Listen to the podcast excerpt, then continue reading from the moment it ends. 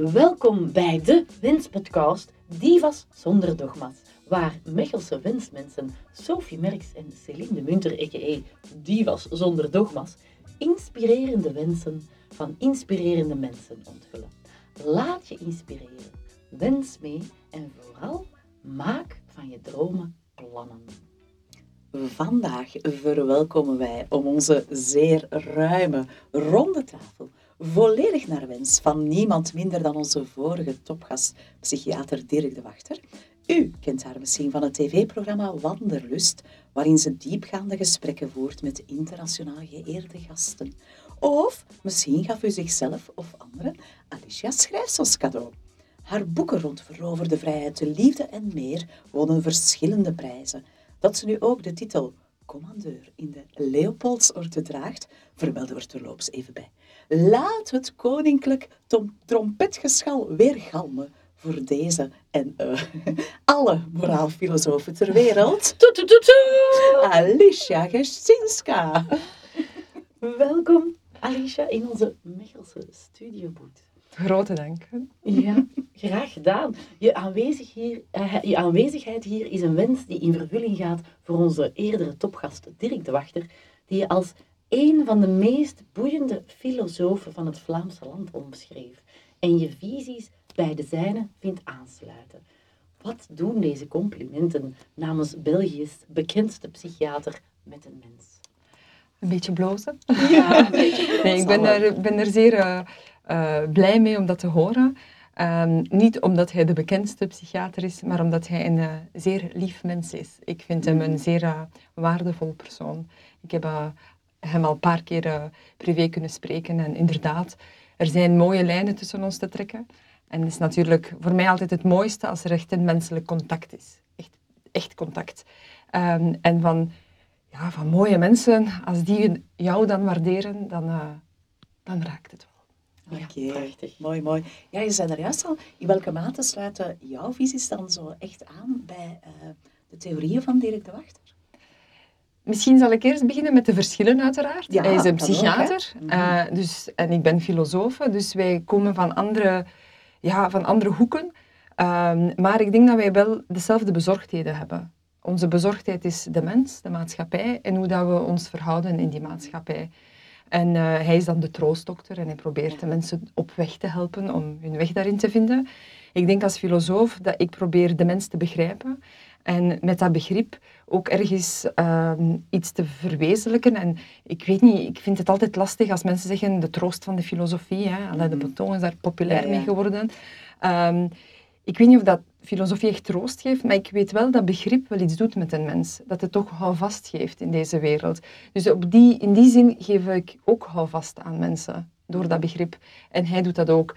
En uiteraard zijn er dan uh, ja, de, de mens die centraal staat en bepaalde bezorgdheden die hij heeft, heb ik ook in onze ikkige maatschappij, in de maatschappij waar, waar steeds meer mensen verdrietig zijn, maar, maar ook uh, dat er niet altijd de weg is om die verdriet, dat verdriet te, te uiten. Dus ik denk dat, dat, dat er meer parallellen zijn, ondanks toch de grote verschillen van uh, onze professie. Ja, oké. Okay. Mooi samengevat. Ja, luisteraars kennen jou misschien wel ook van op tv, van het Canvas-programma uh, Wandelust, waar je dus die diepgaande gesprekken voert met internationaal gerenommeerde filosofen, ook schrijvers, kunstenaars, wetenschappers. Welke gastgasten bleef jou eigenlijk zo het meest bij? Ik vind dat altijd zo'n ja, moeilijke, vraag, vraag omdat ik echt, ja, ja. ik denk 19 afleveringen, heb, uh, afleveringen heb gemaakt. Altijd prachtige mensen, prachtige ontmoetingen. Uh, intens ook, want dat was twee, drie dagen lang gesprekken. Gesprekken met Connie Palmen, Christophe Sanussi, mijn goede vriend uh, Roger Scruton, die helaas niet meer leeft. En nog veel, veel, veel meer. Ik, ik kan ze allemaal niet benaam noemen. Um, en ja, ik ben wel door die reeks te maken ergens veranderd, gegroeid mm-hmm. als mens ook. En, en bepaalde ervaringen zijn zeer belangrijk voor mij geweest. Naar Libanon gaan, Shatila kampen bezoeken, um, was, was uh, ja, dat, dat, dat laat tekenen na in, in, in, uh, in je ziel, in je persoon, mm-hmm. hoe dat je het wilt noemen. Uh, maar ik denk wat ik het meest, of het meest bijzondere vind aan het maken van Wanderlust, is dat juist door de intensiteit van die gesprekken, zijn die mensen ook contact ergens, sommigen van hen contact blijven zoeken. En sommigen zijn echt goede vrienden geworden. Oh, Waaronder bijvoorbeeld Raymond Tellis en Theodore Dalrymple. En ja, dat, voor mij menselijk contact en dus echt zo iemand leren kennen en, en iets opbouwen naar de toekomst toe. Um, ik vind dat het grootste geschenk. Vriendschap krijgen, iemand zijn tijd krijgen. Ja. En uh, vorige maand was ik dan uh, bij Theodore Dalrymple, bij hem thuis in Engeland. Uh, en we zijn samen naar het Haydn Festival geweest. En dat was, ja, dat was gewoon fantastisch. En dat is iets, dat is nog zo'n nawee van, van Wanderlust. Dus nee, ik kan niet kiezen tussen de mensen, maar het mooiste is de vriendschappen die ja, want er zich eigenlijk achter de schermen zo afspeelt. Ja, ja, precies. Zo'n beetje alsof je zo de cappuccino, nu dat je graag cappuccino drinkt, en dan zo de cacaopoeder bovenop de cappuccino, dat het afmaakt of zo. De kers op de taart. De kers op de taart. Oh, ja, hoe dat je het ook noemt. Maar dat is het. Oh, mooi, ja. mooi gezegd, ja. ja. Uh, zelf neem je ook deel aan uh, debatten en lezingen in buiten- en binnenland. Zo ontmoeten Sophie en bevriend top van Ilse Creon jou de laatste maanden ook een paar keer hier in het Mechelse. Welke kennis of welke inzichten wil jij het liefst met de luisteraars delen? Ik herinner mij die ontmoeting met, ja. uh, met jullie vriendin uh, in Mechelen. Ik heb die dag gesproken over Barbara Skarga, die Poolse filosoof die uh, tien jaar lang in de Gulagkampen heeft gezeten. Ja. En over haar ervaring en de parallellen van de geschiedenis van vroeger, van de jaren 50, 60, 70, dat toch zich herhaalt vandaag, nu dat Oekraïne terug volop de, de helaas in het centrum staat van, uh, van het Russische kwaad, zal ik nu zeggen, of mhm. het lijden. Um, dus ik vind dat wel belangrijk om uh, haar figuur en die geschiedenis terug in leven te roepen en over mhm. haar te, te vertellen. Over, haar, over de Gulagkampen. Ik vind dat we daar echt te weinig kennis van hebben. Mm maar dat is natuurlijk haar filosofie en haar uh, persoon. Zelf heb ik al zoveel boeken, ik weet zelfs niet meer hoeveel boeken ik heb geschreven, uh, over verschillende thema's. Ja, muziek en de persoon en politieke betrokkenheid en uh, vrijheid. En, en ik krijg vaak de vraag, ja maar je doet zoveel aan tv en dit en dat en poëzie en roman en de liefde. Wat, wat is nu de rode draad? En ik denk de rode draad is dat ik altijd probeer de mens te begrijpen. Mhm. Wie zijn wij? Waarom zijn we op die manier dat we zijn? Hoe zouden we moeten zijn? En ja, altijd merk ik dat ik ook aangetrokken word tot filosofen, auteurs, die ook zich gelijkaardige vragen stellen over onze menselijke natuur. En niet zo lang geleden kreeg ik ook uh, voor een andere podcast uh, de vraag van wat is nu het inzicht? En dat vind ik altijd zo lastig, het inzicht. Of wat, wat, heb ik nu... Ja, vat dat nu maar samen. Um, maar toen heb ik ook zo eens naar al mijn werk gekeken, mijn poëzie, mijn, mijn roman, mijn, al de boeken. En ik denk dat wat ik zeer belangrijk vind, is dat wij als mens, wij worden wel als mens geboren, hè, biologisch mens, maar jij, je wordt pas mens doordat je als mens bejegend wordt. Als wij niet bejegend worden in, in onze waardigheid als mens, gaan wij niet als mens begrepen worden. Mm -hmm. Gaan we onszelf niet als mens begrijpen. Um, en dus, wij maken elkaar tot mensen. Wij zijn onze menselijkheid aan anderen verschuldigd. En dus mensen die zeggen, ik moet juist niks. Ik ben niemand iets verschuldigd. Dan denk ik, toch wel. Ja. Toch wel. Want zijn, dankzij andere mensen weet je dat je mens bent. Weet je dat je waardigheid hebt, dat je een stem hebt, dat je rechten hebt, dat je iets kan zeggen, dat je iets kan betekenen. En kan je dat ook doorgeven. En wij moeten ons veel meer bewust zijn van het feit hoe ik met anderen omga. Mhm. Hoe ik anderen goeiedag zeg. De mensen bejegen, hoe ik mij houd in de maatschappij, hoe ik spreek, uh, welke woorden ik gebruik dat maakt andere mensen. dat kan ze ook kraken. Dat is heel erg. Daarmee is taal ook zo belangrijk voor mij.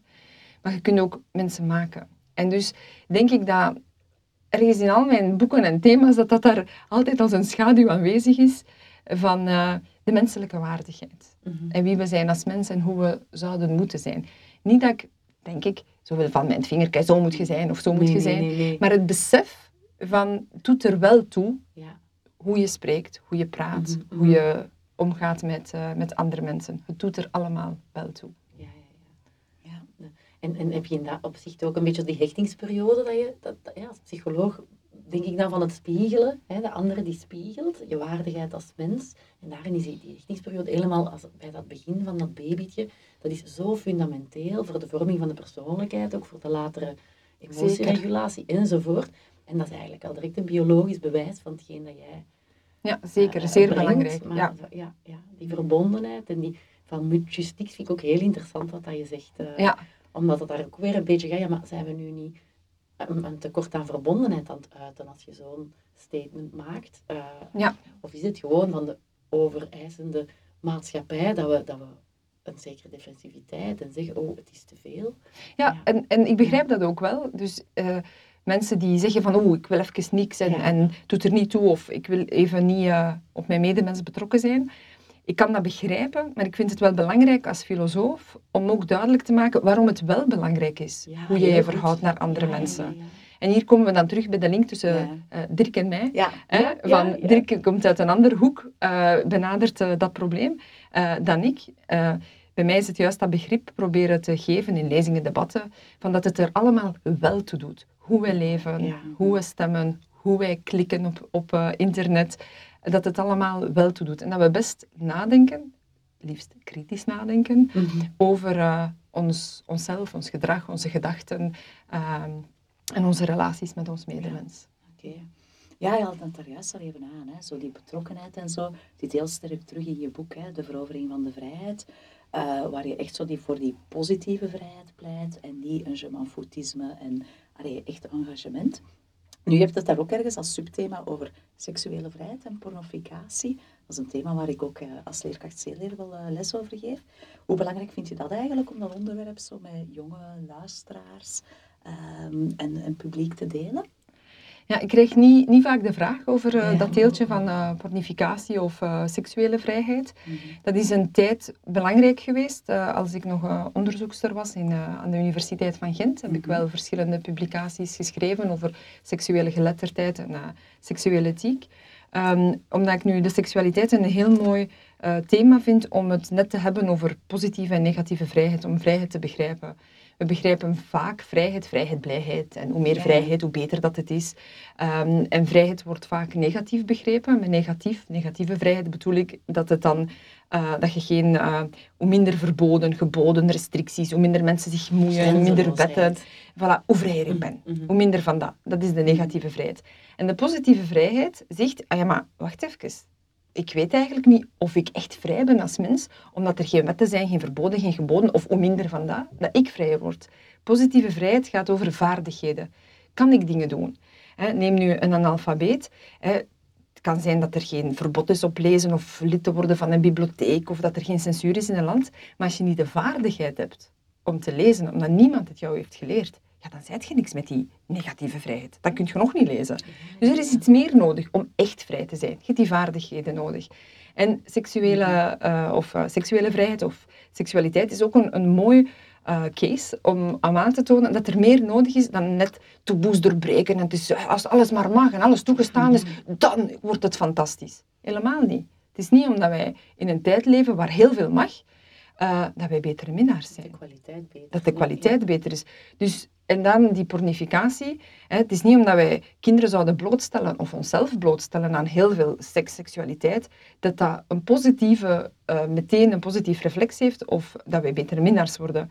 Um, en ik moet nu denken, ik heb, uh, twee, uh, ik heb drie zoontjes, maar twee zoontjes die op kamp waren vorige week, het is zomer.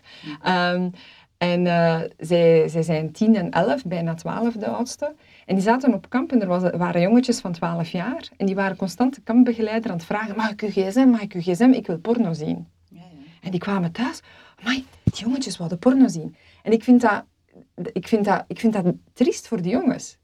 Uh, en dat is niet uit een preutsheid, hè. dat is niet uit een nee, preutsheid dat die geen borst of, of, of, of een geslachtsdeel die zouden mogen zien. Maar dat is het niet. Dat werkt op een ander niveau door. En ik vind dat wij ons meer de vraag, als wij echt, echt geven om de vrijheid, en bijvoorbeeld in dit geval seksuele vrijheid, dan moeten we ons de vraag stellen, wat is er goed of wat zou onze kinderen tot betere uh, ja, minnaars, of ik bedoel tot betere uh, seksuele partners maken. Dan is, heb je respect voor je medemens, mm consent. Dat van, van, dan moet je andere gesprekken voeren dan porno laten zien. Ja, uiteraard, uiteraard. Dus dat is vandaar, uh, ja, dit is meer om, om een, een mooie case om aan te tonen dat vrijheid wel meer vergt dan gewoon taboes doorbreken of grenzen opensmijten. Het gaat echt om een vaardigheid en ook altijd met, uh, met respect naar je medemens. Mhm. Want echte vrijheid zijt je altijd samen. En niet mhm. alleen op je eilandje tegen de rest. Ja, Maar uh, ja. op zich niks mis met porno kijken.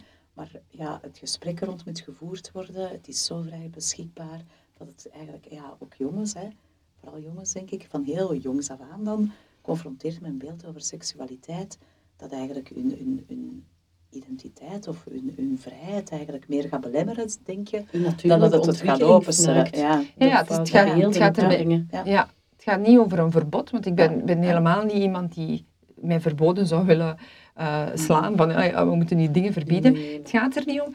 Het gaat erom van, wat brengt het ons? En is het de, de juiste tool, het juiste moment in iemand zijn leven, om net daaraan, uh, voor de vaardigheden die nodig zijn voor iets, om uh, ons daaraan bloot te stellen. En ik zeg niet dat ik altijd het antwoord weet, mhm. maar dat is het gesprek dat moet gevoerd worden. Absoluut, ja. En ik denk dat we heel vaak denken, goh, alle grenzen los, het komt wel allemaal vanzelf goed. En dat is hetzelfde. Ja, inderdaad. Ja. Een zeer goede boodschap. Ja, absoluut. Ja, je behoort dus, hè, uh, net zoals ik, tot de bijzondere en uiteraard ook zeer bescheiden soort der moraalfilosofen. Maar uh, buiten misschien over pornification, ik weet niet, uh, welke thema's zie je eigenlijk nog zo als belangrijke, uitdagende thema's voor ethici vandaag en morgen? God, er zijn er verschillende die, die, waar ik mij zorgen om maak. Ik denk Ehm, we zijn met heel veel mensen op deze planeet. Mm. En uh, er is steeds minder bewoonbaar en leefbaar oppervlakte. Dus we gaan toch met steeds meer op steeds minder uh, moeten, moeten leven. En misschien met ook steeds minder. Um, zijn we daartegen opgewassen? Zijn we daarvoor bereid, daartoe bereid? Uh, die bereidheid zie ik niet zo. Dus hoe gaat zich dat naar de toekomst toe um, ja, ontwikkelen? Daar maak ik mij wel zorgen om. En dan natuurlijk is er ook artificial intelligence, kunstmatige mm. intelligentie, dat toch een, uh, steeds vaker besproken wordt. Hoe gaat dat onze levens beïnvloeden?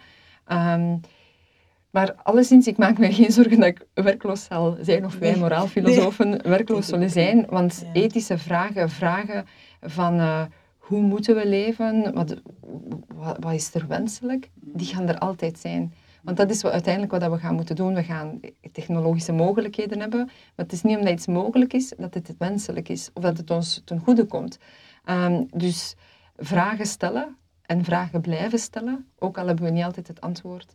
Ja, dat gaan we, dat gaan we blijven doen. Ja, en het graagte, als ik al zo bezig hoor.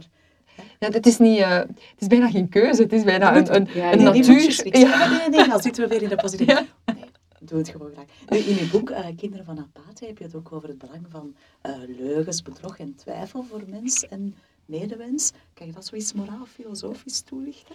Ja, dat is een, uh, een boekje dat ik heb geschreven um, omdat de vraag was gesteld door Nederland voor de Maand van de Filosofie om een boek over waarheid te schrijven. Dat is in een periode geweest dat Trump president van Amerika was, dat hij dan uh, natuurlijk constant leugens uh, debiteerde op grote schaal met miljoenen volgers op Twitter.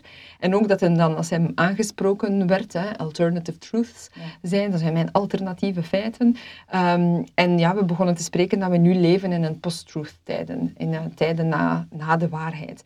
En dus begreep ik wel dat dat thema dan aangeboden werd door de Maand van de Filosofie. En ja, dan ben ik daar vandaar eigenlijk vertrokken. Ja, wat is eigenlijk de waarheid? En hoe komt het eigenlijk dat wij waarheid tegendeel zien, tegendeel zien van leugen. En is dat zo? Is, is tegendeel van waarheid altijd een leugen? En waarom zien we waarheid altijd als positief, het morele, dat moet, daar moeten we naartoe. En leugen wordt altijd in de hoek geschoven van fout, immoreel, uh, verwerpelijk. Um, hoe zit dat nu eigenlijk? En dus is het boekje enerzijds geworden, wat is dat eigenlijk, de waarheid? Maar om de waarheid te begrijpen, is dat nu tegendeel van leugen? Dus een, ook een anatomie van de leugen, waar ik dan toch dingen heb uh, gezegd dat minder voor de hand liggen. Dat bijvoorbeeld de leugen niet altijd fout is. Um, liegen kan moreel zijn het kan soms goed zijn dat wij, dat wij liegen. Um, het voorbeeld dat ik dan geef is, uh, stel dat je in Nazi-Duitsland woont mm en uh, ze kloppen op je deur en ze zeggen van ja, zijn er hier Joden? En, en je weet van, ja, sorry, ja, uh, die gaan ze meenemen. En je weet dat je aan het liegen bent, je beseft het dat je aan het liegen bent, dat je niet de waarheid aan het vertellen bent. Um, dus je liegt bewust ben je nog altijd een, een held, een morele daad aan het doen. Dus het is niet zo simpel om te zeggen leugen slecht, waarheid goed. En het wordt nog complexer. wij denken vaak dat iemand die niet de, uh, niet de waarheid spreekt, of wat dat hij zegt, dat hij direct aan het liegen is. Het is veel complexer dan dat, want we zijn zeer veel dingen aan het zeggen die, die niet waar zijn, maar wij zijn nog niet noodzakelijk aan het liegen. Uh, stel dat iemand uh, opgegroeid is in een, weet ik veel, Amerikaanse gemeenschap van de Flat Earth Society en mm -hmm. die gelooft in de platte aarde en die, zijn, die, heeft alleen maar landkaarten gezien dat de aarde plat is en de leerkrachten hebben dat altijd gezegd. En je stelt die persoon de vraag, zeg, is de aarde plat of rond? En die persoon zegt, in eer en geweten, ah ja, die is plat. Die persoon is niet aan het liegen, die is zeer oprecht, die zegt niet de waarheid, maar die is niet aan het liegen. Ja, ja, het is veel complexer. Moest elke uh, onwaarheid een leugen zijn, dan waren wij constant aan het liegen. Want er is zoveel wetenschappelijke kennis dat wij ernaast zitten. Hè, voor de Copernicaanse revolutie waren wij allemaal kosmologische leugenaars. Niet dus in mijn definitie van leugen en waarheid. Hè, maar, maar ja, uh, dus het, is, het, is, het, gaat er meer om, om de waarachtigheid. Gelooft jij wat je aan het zeggen bent? Um, en, uh, dus dat is een zeer belangrijke vraag. Ben je bewust of je aan het misleiden bent of niet?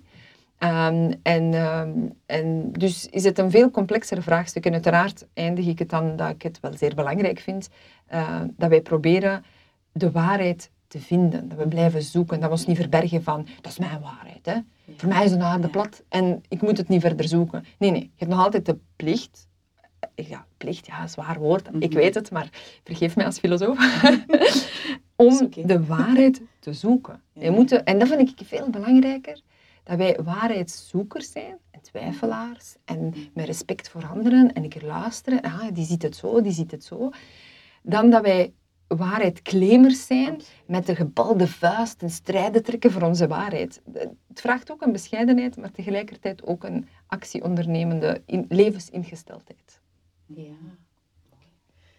Um, Ellen Watts uh, zei ooit dat hij denkt dat, als, dat de waarheid bestaat uit het perspectief van iedereen samen. En dan heb je de waarheid. Maar dat is natuurlijk heel moeilijk te bevatten. Ik vond dat wel een heel mooie visie om het open te trekken, zoals ik jou bezig was. Ik vond dat daar wel een beetje bij aansluiten. Want het is niet evident om de waarheid te vinden. Nee. Of, ja. nee. Zeker. Het is, uh, het is ook niet... Uiteraard, wij zijn allemaal waarheidszoekers. En ik zoek ook naar ware antwoorden. Mm. Um, maar ik vind het zeer belangrijk om... Uh, die bescheidenheid te hebben. Dus ik, ik, ik, kan, eh, ik ben opiniemaker voor de kranten, dus ik schrijf wel mijn waarheid en ik heb opinies en, en, en echt ook, ik, ben, ik heb overtuigingen waar ik achter sta. Maar tegelijkertijd uh, heb ik ook altijd die openheid naar andersdenkenden. Mhm. En dat is iets waar ik heel vaak voor jong en oud en pleidooi houd. Omring je met andersdenkenden. Als er niemand in je omgeving een andere levensbeschouwing heeft, een andere politieke voorkeur, een andere financiële situatie, en het zijn allemaal mensen die net zijn kopietjes van jou, dat is niet goed.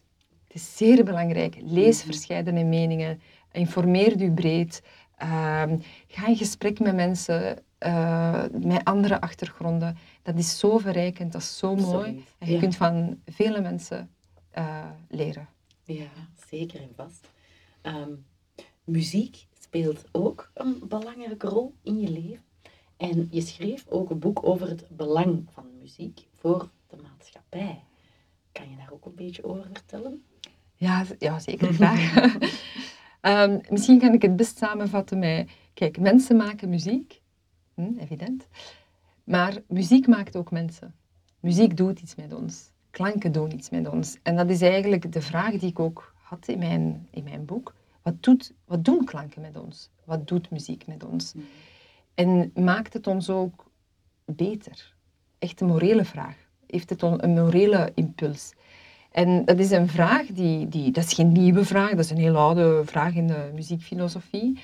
Maar die is wel zo van tafel geveegd na de Tweede Wereldoorlog, omdat wij dan ook zagen dat heel veel mensen die, die muzikaal waren of muzikaal geschoold waren, dat die niet noodzakelijk heel goede mensen waren. De nazi's gingen s'avonds naar concerten of zo. Dus mensen hadden zoiets van, ah, die vraag is beantwoord.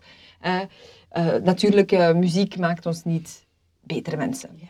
En toch, ik bleef soms een beetje op mijn honger zitten van, ja, dat kan toch niet. Als ik zie wat muziek met mij doet, wat dat kunst doet met ons, wat dat romans doen, poëzie met ons. De ver, verheffende, ik durf het woord gebruiken, verheffende kracht van, van, van kunst. Daar is toch iets mee. Daar, mhm. daar is toch iets van aan. Mhm. Dus als wij dat zomaar van tafel laten vegen, dan moeten wij ook zeggen, ja nee, kunst maakt ons niet beter. Punt. En dat, dat willen we toch niet? Wij, wij, dat wringt toch? Dat vindt toch dat kunst doet toch iets met ons? En wat is het dan precies? En dus dat is de zoektocht van, van, uh, van het boek. Wat doet muziek met ons? Uh, in dit geval muziek, maar in bredere zin ook de kunst. Uh, de kunsten met ons. En ja, dat is, dat is nog altijd een vraagstuk waar, waar uh, mee misschien veel gezegd, maar waar ik uh, mijn vragen bestel. Ook ja, de, de, humane wetenschappen doen het niet zo goed. Hè. Ze zijn niet zo populair. uh, het is allemaal nu wiskunde en we hebben ingenieurs nodig en dit en dat. Het is niet zo vaak dat je hoort, en we hebben meer dichters nodig. en, uh, en, filosofie is belangrijk. Dus ja, de, de humane wetenschappen worden zo een beetje stiefmoederlijk behandeld. En dat zijn maar zo de, de kleine dingetjes daar op een universiteit en niet de belangrijke.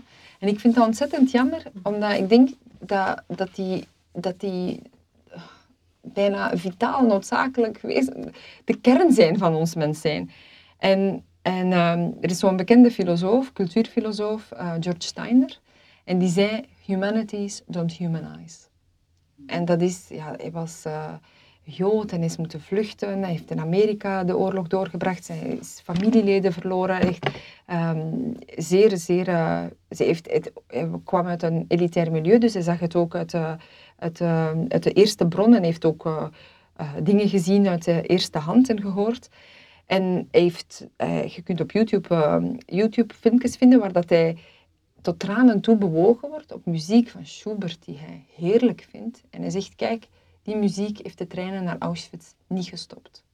Dus humanities don't humanize. En dan denk ik, ja, ik kan, ik kan hem geen ongelijk geven. Maar tegelijkertijd denk ik dat dat de verkeerde vraag is. Van humanities don't humanize. De vraag zou niet moeten zijn van, ja, van meteen zo resultaatgebonden en je luistert naar een beetje Bach en boom en je bent beter.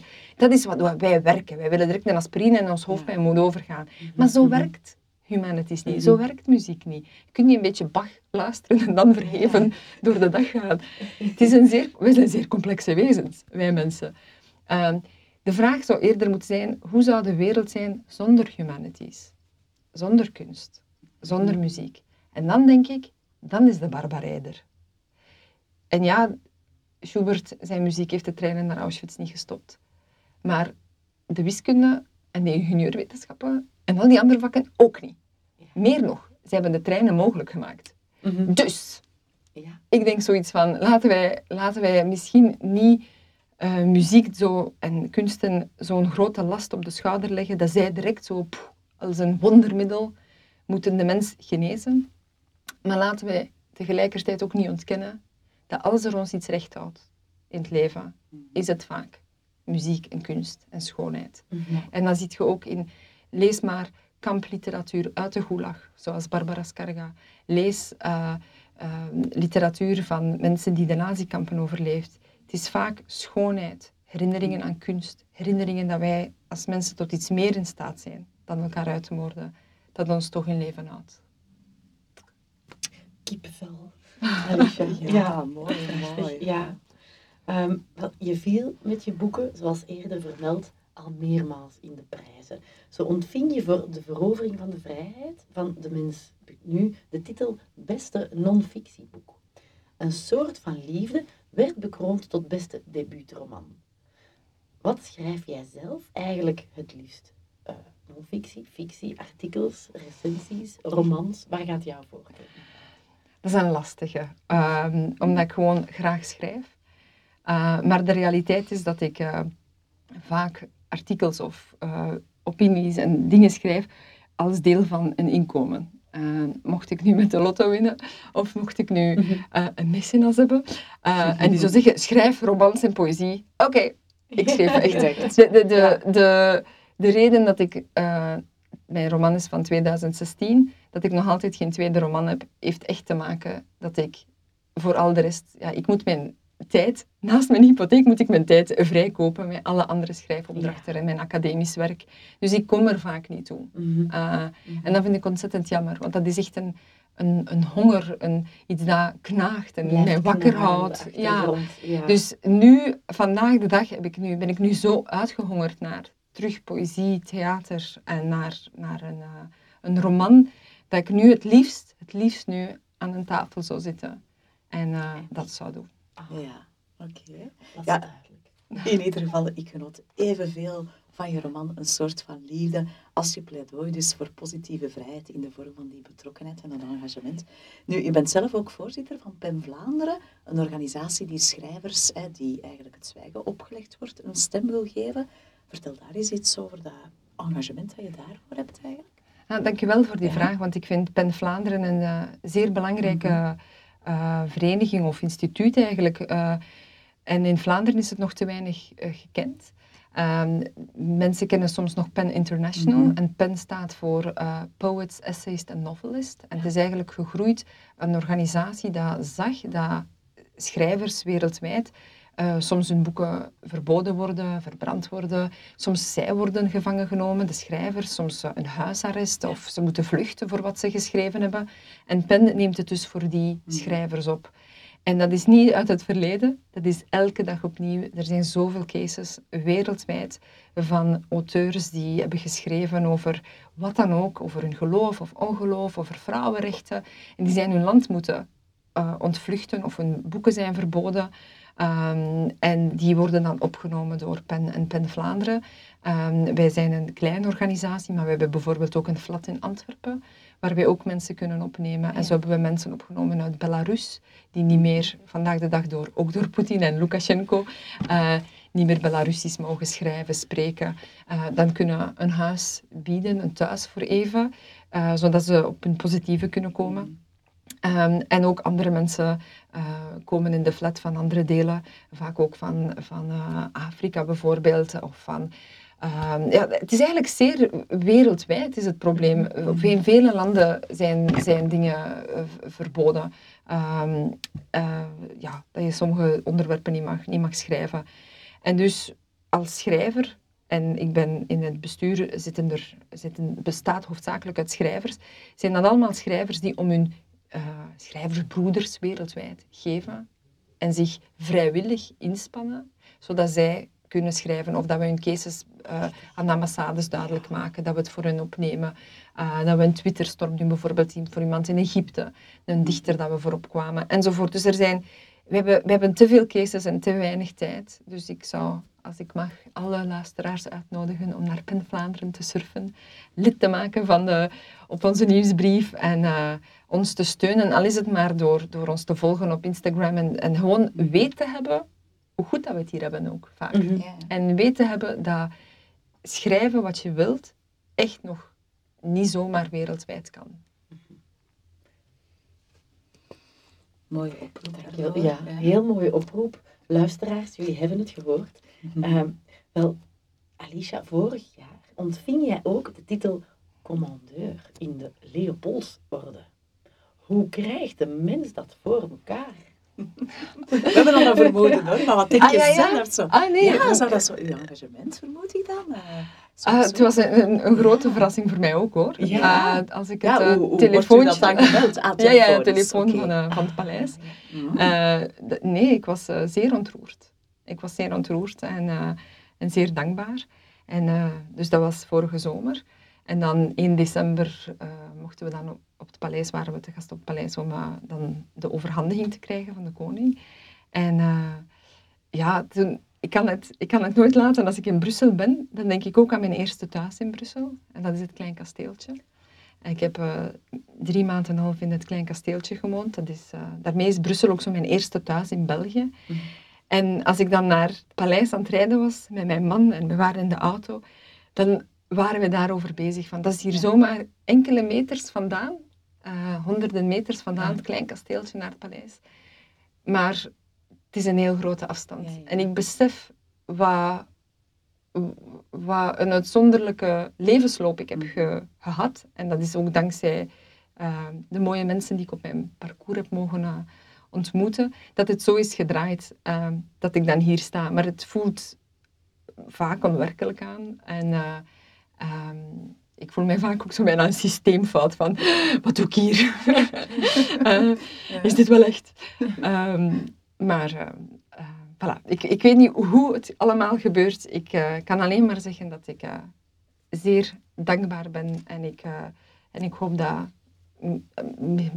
bescheiden hoop, dat het een hoopvol signaal kan zijn. Ja, ja. Dat iemand van het klein kasteeltje. Ja. ja, van hoe je hier eigenlijk als kind hè, vluchten toen, met je ouders vanuit het communistische Polen, denk ik, hè, daar ben je beland. En dan hoe dat het leven helemaal, ja, je zelfdeterminatie eigenlijk, zoals je het mooi beschrijft, zelf in veroverde vrijheid ervoor gezorgd heeft dat je dingen bent gaan doen die dat dan plots maken dat je telefoon krijgt van het Koninklijk Paleis. Dat is toch Mooi eigenlijk. Ja, ja super. Ja. Alicia, en welke prijzen of titels of ambities streef jij nog zoal na?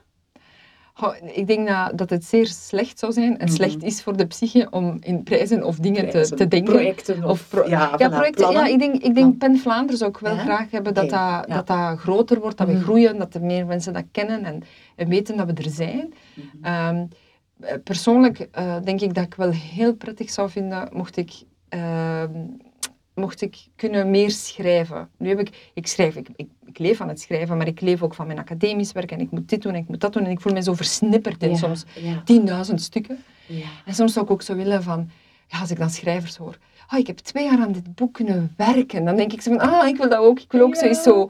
Helemaal, uh, helemaal zo lang aan een project werken of zo.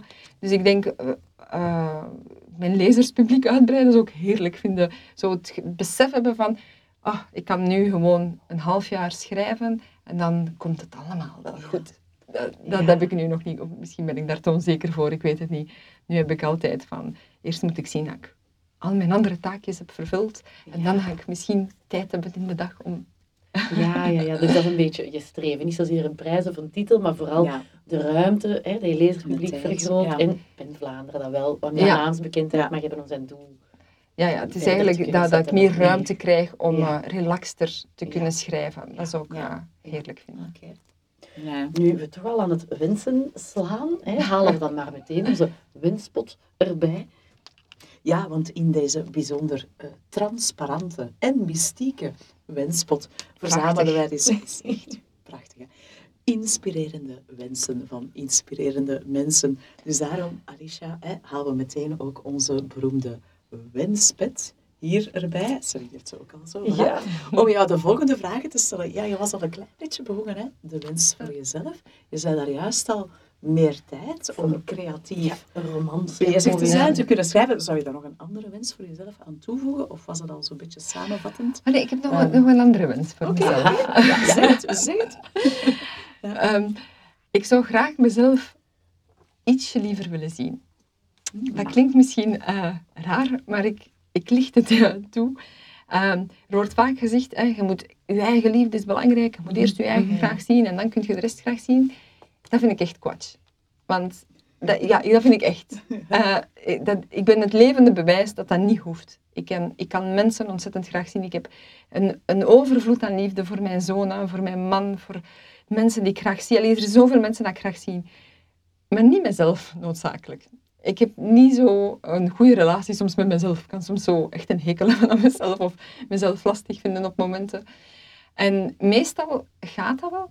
Um, maar soms denk ik van, oh, het zou toch handig zijn, moest je toch Mezelf af en toe een beetje nu liever zien. Of allee, af en toe al een keer wat trotser zijn op jezelf. Dat, dat heb ik niet. Is dat niet zo'n klein beetje de vloek van de filosofen zo? Dat we zo heel veel twijfelen, eigen aan filosofen, en dat dat zich soms ook aan een zekere zelftwijfel Misschien. Richt, want ik vind dat wel een herkenbare. Ah, kijk, voilà. Dus misschien moeten we het zo uitbreiden. Wie weet is dat gewoon eigen aan filosofen. Maar is dat dan ook weer een voordeel dat dat dan ook net maakt dat je verder gaat twijfelen ook over anderen en de wereld en tot denken aanzet. Dus omarm het misschien.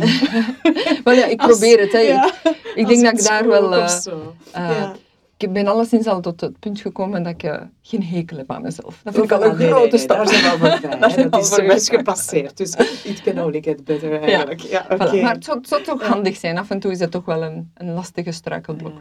Oké. En wat wens je anderen toe? Is dat zo wat in de lijn daarvan of iets anders? Ik denk dat ik, dat ik uh, de anderen meer humanitas uh, wens. Dat is uh, mijn laatste boekje, Humanitas. Dat gaat over de mens, de men, medemenselijkheid in anderen zien, de menselijkheid. Ik had daar juist al gezegd dat wij als biologisch mens worden wij geboren, maar wij worden als mens ten volle door andere mensen. En ik vind dat zo belangrijk dat wij dat echt laten bezinken, maar niet gewoon om ja, onze geliefden en, de mensen die wij dagelijks tegenkomen als mensen te bejegenen, maar ook de mensen die wij niet kennen. Bijvoorbeeld die bootvluchtelingen, bijvoorbeeld mensen die, die ver weg nu wonen, die wij nooit zien, die, die, dat we daar toch altijd toch blijven beseffen, dat zijn mensen net als wij, met mhm. dezelfde behoeften, met ook een uh, wens naar een thuis, een veiligheid. Uh, um, en dat we dus medemenselijker worden en dat ons hart naar ons medemens groot uh, mag blijven. Dus dat dat empathisch gevoel niet enkel is van ja, ik heb heel veel empathie voor de mensen die ik ken. Dan denk ik, uh, dat is eerder sympathie. Empathie is, gaat net voor de mensen die je niet kent. En die, die misschien, dat het zelfs lastig is misschien om, om ze op te nemen. Maar het zijn net als mensen zoals wij. Dus ja, ik denk dat ik dat de, de anderen, die medemenselijkheid, de humanitas, uh, okay toewens. Ja, en nu we toch bezig zijn, is dat ook jouw wens voor de wereld? Of gaat die nog ruimer dan Humanitas? Maar ik, ik, ik hoop dat de wereld niet eronder gaat dan ons. Uh, want we zijn niet echt goed bezig met de wereld. En wij zullen niet, eeuwig blijven leven. ik heb niet zo lang geleden, vorige maand was ik in, in Londen in het Natural History Museum. En dan was er een, eh, ik denk dat een permanente tentoonstelling is van allemaal dinosaurussen en dingen. En toen ik daar was, dacht ik, oh my god, dat, ik wist dat wel ergens al, maar het is pas daar dat, het zo bezonk van hoe lang, miljarden jaren dat die beesten hebben rondgelopen. Jeetje, wij, die, die, zijn beter, die hebben beter gedaan dan wij. Ik geloof niet dat wij het beter gaan doen dan dinosauriërs, trouwens. Nee, wij gaan het zo lang niet trekken. En eh, misschien is dat ook helemaal niet erg, hè. Maar ik hoop dat we de wereld niet mee ten onder trekken. Dus ik hoop, als ik iets aan de wereld mag wensen, is dat ze niet ten onder gaat aan uh, de, mens, ons, de mensheid. Aan de mens. Ja. Oké. En ja, dan de laatste vraag. Wie zou jij voor deze wenspodcast graag uitnodigen? Het mogen ook meerdere mensen zijn, hè? Moet ik kiezen per se? Ja, dat is geen gemakkelijke vraag, omdat er zoveel uh, mooie mensen zijn om, uh, om uit te kiezen. Um, maar ik kies voor twee. Okay. Um, uh, Chris Lomme mm. en Simone Milsdochter. En ik heb voor beide dames een toneelstuk geschreven voor Kom op tegen kanker. Okay. Kom op tegen kanker heeft mij gevraagd om een stuk te schrijven waar dat het belang van legaten en wat we achterlaten, Um, dat we daar toch, dat we dat het gesprek openen. Dat dat niet meer zo, dat is nu een beetje taboe, hè, van, van hoe gaan we ons uh, erfenis uh, hoe gaan we daarmee omgaan enzovoort. En om dat bespreekbaar te maken, en ik heb dat dan uh, geschreven aan de hand van een dochter die doodgaat en een moeder. En de moeder was Chris Lomme, of is Chris Lomme, en de dochter is Simone, de middelsdochter. Het zijn uitmuntende actrices. Mm -hmm.